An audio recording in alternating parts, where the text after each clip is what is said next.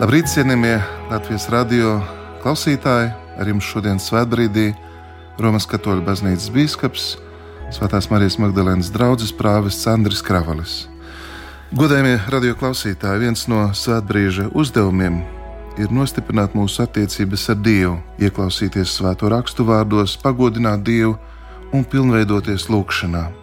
Viena no pazīstamākajām lūgšanas definīcijām pieder Jānim Damaskietim, kurš saka, ka lūgšana ir dvēseles pacelšana pie Dieva, vai arī piedienīgu labumu lūgums Dievam. Jau no cilvēces pirmsākumiem Dievs nenogurstoši aicina ikvienu personu uz noslēpumainu satikšanos ar viņu. Lūkšana pavada visu pestīšanas vēsturi kā dieva un cilvēka savstarpējā sasaukšanās. Protams, Dievs pirmais aicina cilvēku. Kaut arī cilvēks aizmirst savu radītāju vai paslēpjas tālu no viņa vaiga, kaut arī pielūdz savus elkus vai pat apsūdz Dievu, kā viņš to pametis, tomēr dzīvais un patiesais Dievs nenogurstoši aicina ikvienu cilvēku uz noslēpumainu sastapšanos lūgšanā. Šī uzticīgā dieva mīlestības solis lūgšanā vienmēr ir pirmais. Cilvēka solis ir tikai atbilde. Un tāpēc uzlūkosim Jēzu, kurš lūdzās.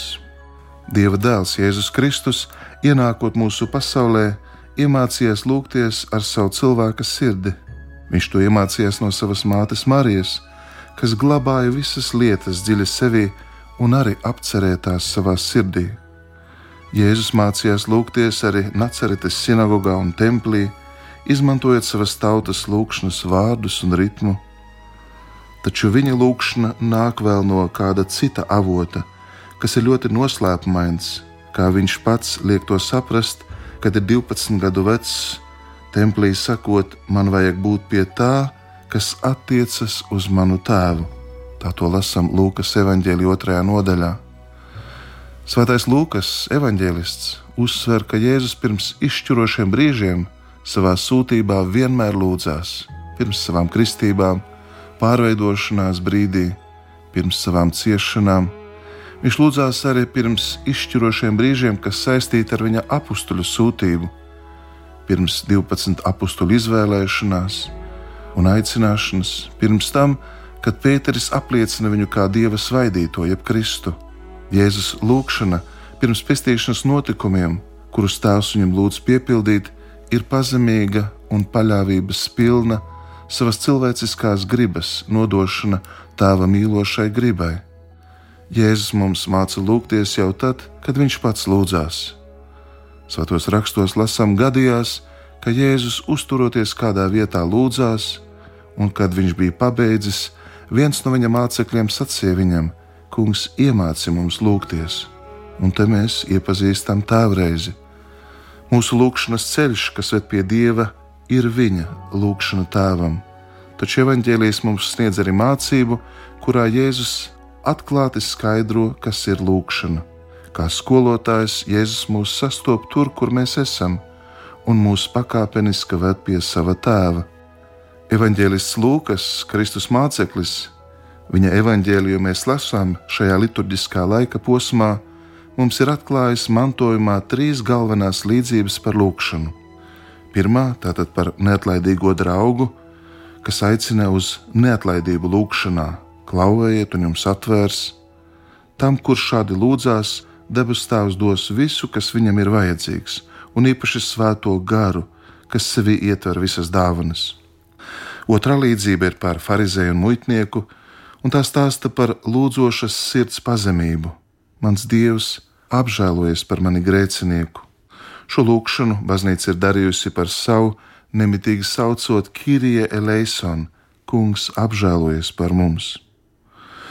Un trešā par neatlaidīgo atraitni stāsta par vienu no lūkšanas īpašībām - vienmēr jālūdzās nenogurstoši, ar pacietību, kas sakņojas ticībā. Šodien šī līdzība tiek pārdomāta mūsu draudzēs un baznīcās, Tāpēc tagad ieklausīsimies Jēzus vārdos. Un tas būs fragments no Jēzus Kristus evaņģēlija, ko uzrakstījis Svētais Lūkas no 18. nodaļas 1 līdz 8. pantam.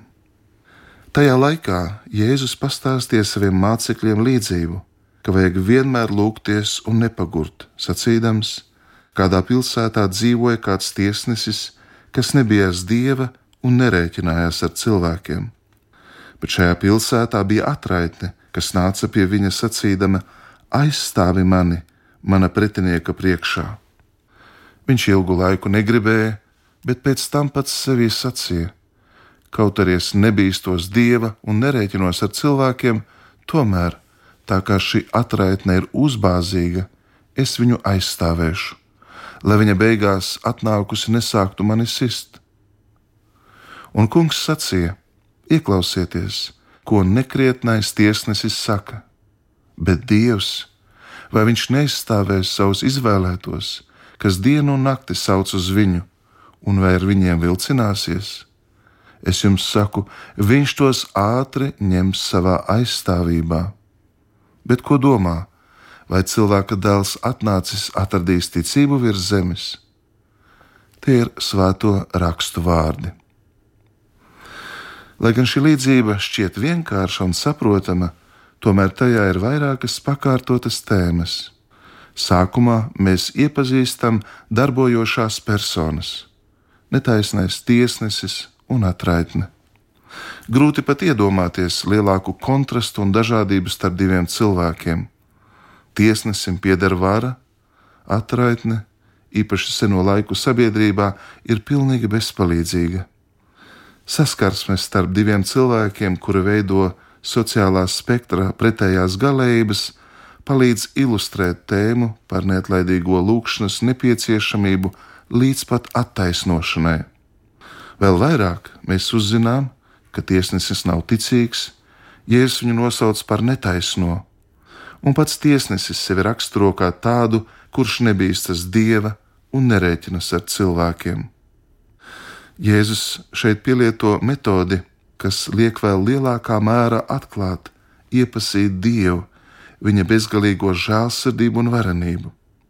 Līdzība tiek teikta, lai stiprinātu mūsu ticību, izturību, jo Jēzus tālāk runās par savu otrreizēju atnākšanu. Ja jau tiesnesis, netaisnīgs cilvēks ir spējīgs attaisnot, tad vēl lielākā mērā pats Dievs Paradoxāli, netaisnīgais tiesnesis attaisno, tāpēc, ka ir neatlaidība, paļāvība, drosme, kura atraitnes gadījumā pat robežojas ar nekaunību, bet viņa sasniedz rezultātu. Patiešām Jēzus vēlas šeit uzsvērt, ka lūkšana ir cīņa. Lūkšana, protams, ir žēlastības dāvana, bet no mūsu puses apņēmīgas gribas atbilde. Tā vienmēr prasa piepūli, izcilākie lūkšanas cilvēki vecajā derībā pirms Kristus, tāpat kā Dieva māte un svētie kopā ar Jēzu mūs māca, ka lūgties ir iesākt cīnīties. Pret ko mēs cīnāmies? Paši pret sevi, pret kārdinājuma viltībām, kas dara visu, lai atrautu cilvēku no lūkšanas, no vienotības ar Dievu. Mēs lūdzamies tā, kā dzīvojam, jo dzīvojam tā, kā lūdzamies. Ja mēs negribam pastāvīgi darboties Kristus garā, tad nevaram arī nemitīgi lūgties viņa vārdā. Kristieša jaunās dzīves garīgā cīņa nav nodalāma no lūkšanas cīņas. Reizē lūkšana ir dāvana, žēlastība, kura jāsaņem pazemības, nabadzības un pateicības garā.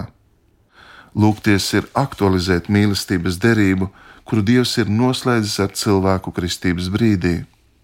Lūkšana ir ticības pilna raudzīšanās uz Kristu, kuras laikā debesu Tēvs mūs apskauj un ietērp svētā gara mīlestības spēkā. Pajautāsim sev un mēģināsim atbildēt, kā mēs varam pilnveidot mūsu lūkšanas dzīvi. Spāņu mistiķis Svētais Jānis no Krusta iesaka centies vienmēr būt dieva klātbūtnē, vai tā būtu reāla, iedomāta vai vienojoša, saskaņā ar to, ko ļauj darāmie darbi. Centies pastāvīgi būt lūkšanā un nepamet to fizisku nodarbību laikā, vai tu ēd vai dzer, runājies ar cilvēkiem vai dari vienalga ko citu, vienmēr ilgojies pēc dieva un pieķeries viņam ar visu savu sirdi. Tomēr, lai tas būtu iespējams, ir nepieciešami arī brīži, kad veltam sevi vienīgi dievam, vienatnē ar viņu. Svētai Avilas Terēzei lūkšana nav nekas cits kā draudzīga saruna ar Dievu, vienatnē, daudzkārt vēršoties pie tā, par kuru mēs zinām, ka Viņš mūs mīl. Tik bieži šodienas cilvēks uzskata, ka lūkšana ir bēgšana no pasaules. Garīgās dzīves grāmatā par Krievu svētceļnieku atklājam, ka šis cilvēks staigā nemitīgā lūkšanā, un viņš saka, ka šī lūkšana viņu nenošķīra no ārējās īstenības. Citēju, kad man gadījās satikt kādu, visi bez izņēmuma man likās tik mīļi, it kā tie būtu mani tuvinieki. Šo gaismu es sajūtu ne tikai savā dvēselē, bet arī ārpasaule man likās brīnišķīga. Tiešām, cienījamie radioklausītāji, Lūkšana neliek aizmirst pagātni. Lūkšana atcerās dieva dāvanas un vienmēr ir pateicīga. Dieva darbu atcerēšanās ir dieva un viņa tautas derības pieredzes pamatā. Dievs ir gribējis ienākt vēsturē, un tāpēc lūkšana ir atmiņu caurausta.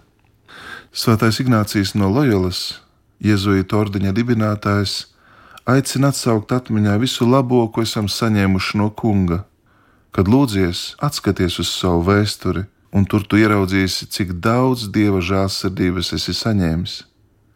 Vienlaicīgi tas nostiprinās tavu apzināšanos, ka kungs tevi atceras un nekad tevi neaizmirst. Tāpēc ir vērts lūgt viņu izgaismot pat sīkākās tavas eksistences detaļas, kas nepaliek viņa nepamanītas. Lūguma izteikšanā izpaužās sirds kurā uzticās dievam un zina, ka saviem spēkiem tā galā netiks. Baznīcas dzīvē, draudzēs, bieži sastopamas lūkšanas ar ticīga mīluma un dziļas uzticēšanas pilniem lūgumiem. Nenonicināsim lūkšanas ar konkrētiem lūgumiem, kuras bieži nomierina mūsu sirdis un palīdz mums cerībā iet uz priekšu. Lūkšana ir patīkama Dievam un ir svētīga, ja tajā caur aizlūgumiem centīsimies piepildīt Jēzus doto divkāršo mīlestības bausli. Aizlūgumi izsaka brālīgu iestāšanos par citiem, ja tajos spējam iekļaut citu cilvēku dzīvi, viņu visdziļākās rūpes un visskaistākos sapņus. Ja mēs patiešām atzīstam, ka Dievs eksistē, mums viņš jāpielūdz, dažreiz paliekot abrīnas pilnā klusumā, vai citreiz svinīgi dziedot viņa slavu. Tā mēs izteiksim to, ko pārdzīvoja svētais Šāls de Foucault, kad viņš teica, tiklīdz ieticēju, ka Dievs pastāv, es sapratu, ka es nevaru dzīvot citādi, kā tikai priekš viņa. Nemitīgi lūdzieties, pateicieties vienmēr par visu Dievam un Tēvam mūsu Kunga Jēzus Kristus vārdā. Tā saka apustulis Pāvils, ar visādām lūkšanām un lūgumiem, Katru brīdi lūdzieties garā, un tajā palieciet nomodā ar visu neatlaidību un lūdzieties par visiem svētajiem. Evagrijas Pontiks saka, mums nav dots norādījums pastāvīgi strādāt, būt nomodā un gavēt, turpretī lūgties bez mitas. Tas mums ir kā likums. Viens no pirmajiem baznīcas apologētiem saka, bez mitas lūdzās tas, kurš lūkšanu vieno ar darbiem un darbus ar lūkšanām. Tikai tā varam īstenot principu lūgties bez mitas. Nekas nevar būt līdzvērtīgs lūgšanai. Tā dara iespējamu to, kas neiespējams, vieglu to, kas grūts. Ir neiespējami, ka cilvēks, kas lūdzās, var grēkot. Tā saka Jānis Hrizostoms. Kas lūdzās, tas ir drošs par savu pestīšanu, kas nelūdzas, tas nenoliedzami nolems sevi pazudināšanai saka svētais Alfons Marija Liguri. Dārgie radio klausītāji, lai šīs atziņas mūs stiprina mūsu lūkšanas ceļā, lai esam apņēmības pilni, kā šī atraitne, kas neatlaidīgi un pārliecināti par to, ka Dievs viņu atbalstīs, vēršas pie tiesneša un panāks savu. Arī mēs Šodien vēlamies svētā gara spēkā lūgt tā, kā Kristus mums ir mācījis, sakot, mūsu Tēvs debesīs. Svētīts lai top tavs vārds, lai nāk tava valstība, tavs prāts, lai notiek kā debesīs, tā arī virs zemes. Mūsu dienascho maizi dod mums šodien, un piedod mums mūsu parādus, kā arī mēs piedodam saviem parādniekiem, un neieved mūsu kārdināšanā, bet atpestī mūs no ļauna, jo tev pieder valstība, spēks un gods mūžīgi mūžos. Āmen! un lai jūs visus svētī visvarenais un žēlsirdīgais Dievs Tēvs un Dēls un Svētais Gars. Āmen!